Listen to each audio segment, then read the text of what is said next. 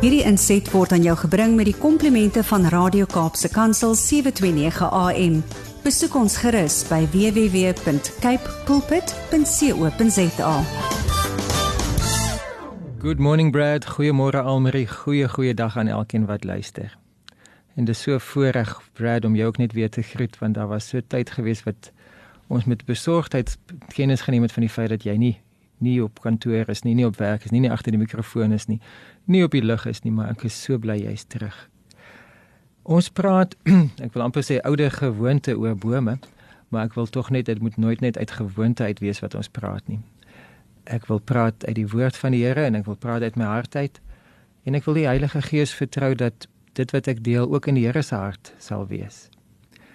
En dit is nou volgende met ons volgende praatjie sal dit nou letterlik een volle jaar wees wat ons elke enkele keer as ons bymekaar so saamgesit het om te gesels dat ons oor bome gesels het.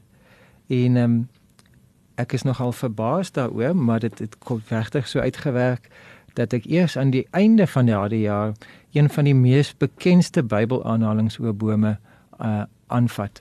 Ek klim nou eers in hierdie boom in. En hierdie is die woorde van Jesus en Jesus sê 'n boom word aan sy vrugte geken. Kom ek lees vir ons Jesus se woorde soos wat dit opgeteken is deur Lukas. En dit staan in Lukas hoofstuk 6 vanaf vers 43. Ek lees uit die 2020 die direkte vertaling. Lukas 6. 'n Goeie boom dra nie slegte vrugte nie en 'n slegte boom dra weer nie goeie vrugte nie. Elke boom word aan sy eie vrugte geken. Van 'n doringstruik pluk 'n mens tog nie vye of van 'n doringbos 'n tros druiwe nie. 'n Goeie mens bring die goeie te voorskyn uit die goeie skatkamer van sy hart. En 'n slegte mens bring die slegte voort uit die slegheid van wat van dit wat in hom is.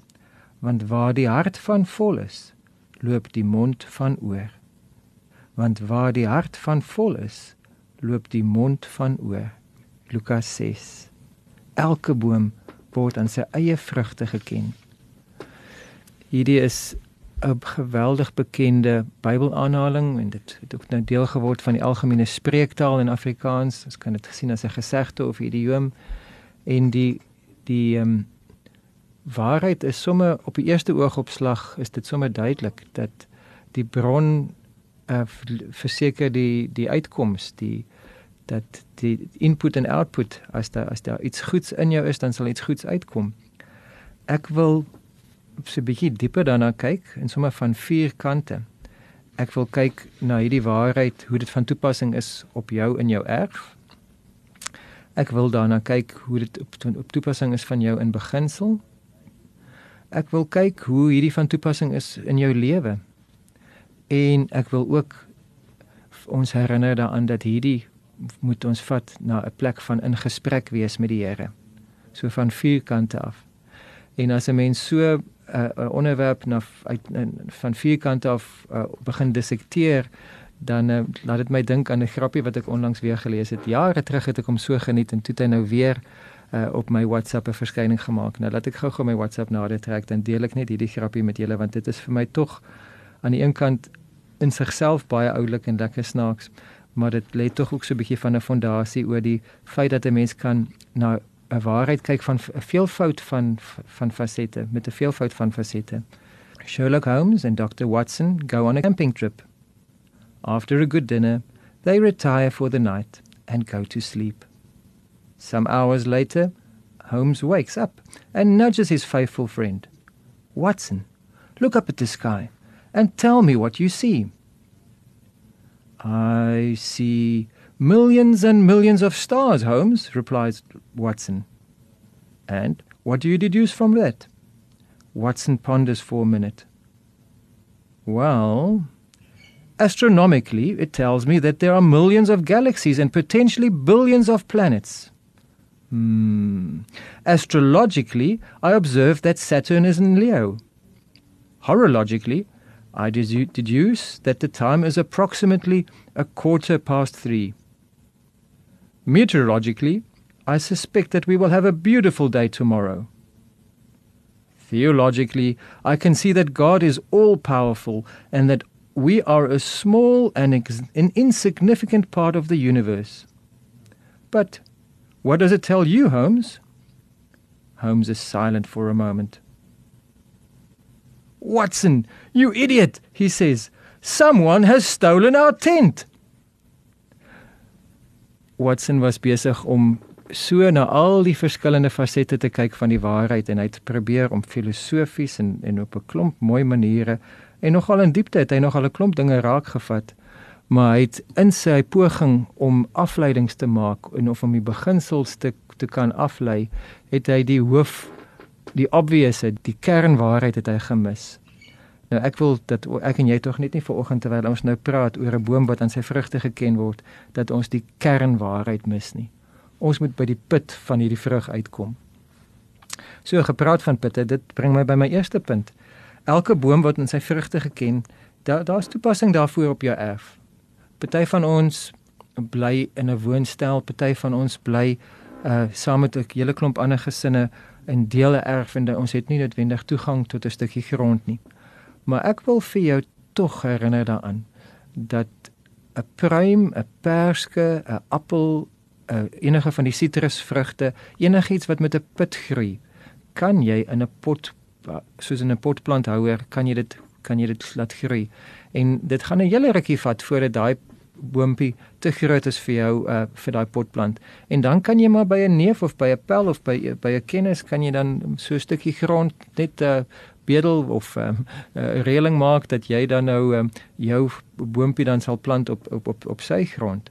Maar as jy dan jou eie grond het en jy kan daai grond so 'n bietjie bewerk, lekker kompos inwerk, lekker sorg dat dit uh, beskud is teen die wind en lekker sorg dat dit nie naby een van jou fondasies van jou huis is nie en dat dit nou nie so, uh, op 'n plek sal groei waar die boom in die pad gaan wees nie. En uh, waar jy lekker vol son kan kry, dan kan jy oorweeg om bietjie net daai vreugde te hê daarvan dat uh, jy daardie boom sien groei voor jou eie oë ons het die voorreg dat my kinders is nou al vir 20 jaar op dieselfde erf. En van die bome wat klein putte was en geplant is toe hulle nog klein uh, chokkertjies was, is nou regtig al lekker groot. En al is dit 'n huurhuis is daar is daar die groot vreugde daarvan om bome te sien groei. Nou ja, ek so dit is my eerste toepassing is planteboom. Planteboom as jy dan nou nie heeltemal seker is van jou eie groen vingers nie, gaan kry vir jou boom by die kwekery. En en hoe groter daai boom is, hoe duurder is hy natuurlik. Jy betaal vir die groeityd wat iemand met sy sorgende oog oog oog daar vir, vir daai boom versorg het. Maar uh, as jy nou nie wil geld uitgee nie, kyk of jy nie 'n put kan ontkiem en kyk of jy daai vreugde kan hê van dat daai boom groei onder jou eie oë nie. My jongste twee seuns het my geleer dat, dat as daai boontjie nog klein is, dan moet jy vir hom ekstra versigtig, jy moet hom beskerm. Hy moenie te veel son kry nie, hy moenie te veel wind kry nie, hy moenie te veel reën kry nie. So miskien is binne sy huis 'n goeie op 'n vensterbank is 'n goeie plek dat hy net eers homself vestig. Maar ons gaan nie nou vas staan by uh, groen vingers en buitekant in die erf nie. Kom ons praat net so 'n bietjie oor hierdie saak van 'n boom word aan sy vrugte geken in beginsel. Nou in beginsel is dit 'n goeie riglyn dat as jy wonder of iets van die Here af is, om na sy vrugte te kyk in jou eie lewe, in 'n prediker se lewe, in 'n bediening se lewe, in jou gemeente se lewe om te kyk wat is die resultate van dit wat gedoen word? Wat is die vrug? En dan daarvolgens kan 'n mens tot 'n groot mate bepaal is die Here in hierdie saak. Maar mens moenie oorhaastige uh, afleidings maak nie. Ek wil 'n vinnige insident deel. Dit meer as 'n dekade gelede was daar William Paul Young die skrywer van The Shack wat vir vir honderde duisende letterlik honderde duisende mense tot groot seën was maar vir dosyne mense tot struikelblok was met sy boek The Shack. En my ma het gehoor by ander mense dat hierdie boek ehm um, bietjie op 'n meer 'n uh, vrye manier uh, omgaan met die gedagte van die drie eenheid en omgaan met die gedagte van Jesus en, en Heilige Gees en Vader. En dit baie op op 'n allegoriese manier simbolies uitbeeld op so 'n manier dat dit vir party mense laat wonder het en selfs laat struikel het. Nou die die die grondbeginsel is dat Paul Young het hierdie geskryf vir sy kinders. Hierdie was nooit bedoel gewees om in die eerste plek 'n teologiese uiteensetting te wees van die een van die grootste waarhede en een van die grootste misteries van die heelal nie. Hy wou die drie eenheid aan sy kinders probeer verduidelik binne verhouding dat dit nie net is van water is ys en stoom en vloeibare water nie want daai ys en stoom en, en vloeibare water het nie verhouding met mekaar nie. Hy wou die interaksie, die interpersoonlike verhouding in die drie eenheid wou illustreer. En op daai stadium het, het sy manier van the shack die boek het vir my ma skeef in die krop gesteek en sy het letterlik so sterk so so so, so ver gegaan om haar eksemplaar van daai boek te verbrand. Uit beginsel het sy gesê sy wil nie dat enige iets afbreek doen aan haar beeld van haar van van die God met wat sy wat sy so met soveel agting en respek wil dien nie. En ek respekteer haar vir vir haar oortuiging.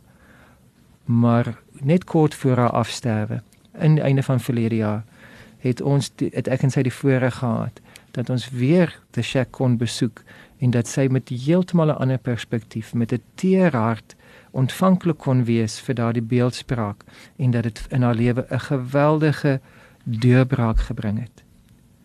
So dit is vir jouself om te besef dat soms is ons perspektief in die pad daarvan as ons dan nou 'n vrugte inspekteur wil wees, moet ons dit doen met die Here se perspektief in jou lewe as mens dink aan die die die 'n boom dra vrugte 'n 'n boom word aan sy vrugte geken en ons kyk na, na na dit in jou lewe dan wil ek myself uitdaag en herinner daaraan en ek wil jou daarbey insluit dat ons 'n begeerte moet hê om vrug te dra. 2023 is nie net nog 'n jaar nie. Ons gaan nie net nog 'n keer om die baan nie. Ons gaan nie net op met ons planeet nog 'n keer om om op 'n reis om die son nie. Dit is 'n geleentheid om vrug te dra. En mag Heilige Gees vir ons begeerte gee om met hom te gesels oor wat beteken vrug dra in jou geval. Is dit 'n oorseese reis op die na die sendingveld toe? Is dit 'n dokument wat jy afrond sodat dit gaan kan gepubliseer word? Is dit 'n gesprek met 'n familielid? Is dit 'n gesprek met 'n vreemdeling? En of nog soveel te meer relevant, is dit 'n lewenstyl om elke dag 'n verskil te wil maak dat ons sal vrug dra selfs in die verbygaan wanneer ons met vreemdelinge te doen het. Ek wil vir jou uitnooi om vir die Here te vra wat beteken 'n boom word aan sy vrugte geken en wat beteken 'n begeerte om vrug te dra? Wat beteken dit vir jou? En dit bring my by, by my laaste punt dat hierdie stelling in Lukas 6 is nie veronderstel om 'n maatstaf te wees nie. Dit is nie soos 'n chemiese formule wat jy kan gebruik om te bepaal is iets 'n alkali of is dit 'n suur nie. Hierdie is nie 'n lakmoespapiertjie wat dit pH toets doen nie. Ons gaan nie kyk is hierdie is hierdie lering pink of blou, is dit alkalis of is dit suur? Is dit 'n goeie vrug of 'n slegte vrug nie? Ons gaan nie koud en arbitrêr en wetenskaplik ehm um, soos Watson die ding net in ons kop beredeneer nie. Maar ons gaan met ons hart vir die Here vra, Here, Wat sê u van hierdie saak? Is hierdie goeie vrug? Want waarvan die hart van vol is, loop die mond van oor. En dit is ook waar van ons lewende Vader dat hy het 'n vol hart en sy mond wil oorloop met antwoorde na jou en my toe. Hy wil vir ons sê is hierdie goeie vrug. Kom ons vra vir hom. Heilige Gees, help vir ons om nie kil koue vrugte inspekteurs te wees nie. Maar help vir ons om in gesprek met u te tree en uit te vind wat u opinie is van elke saak. In Jesus naam. Amen. Hierdie inset was aan jou gebring met die komplimente van Radio Kaapse Kansel 729 AM. Besoek ons gerus by www.cape pulpit.co.za.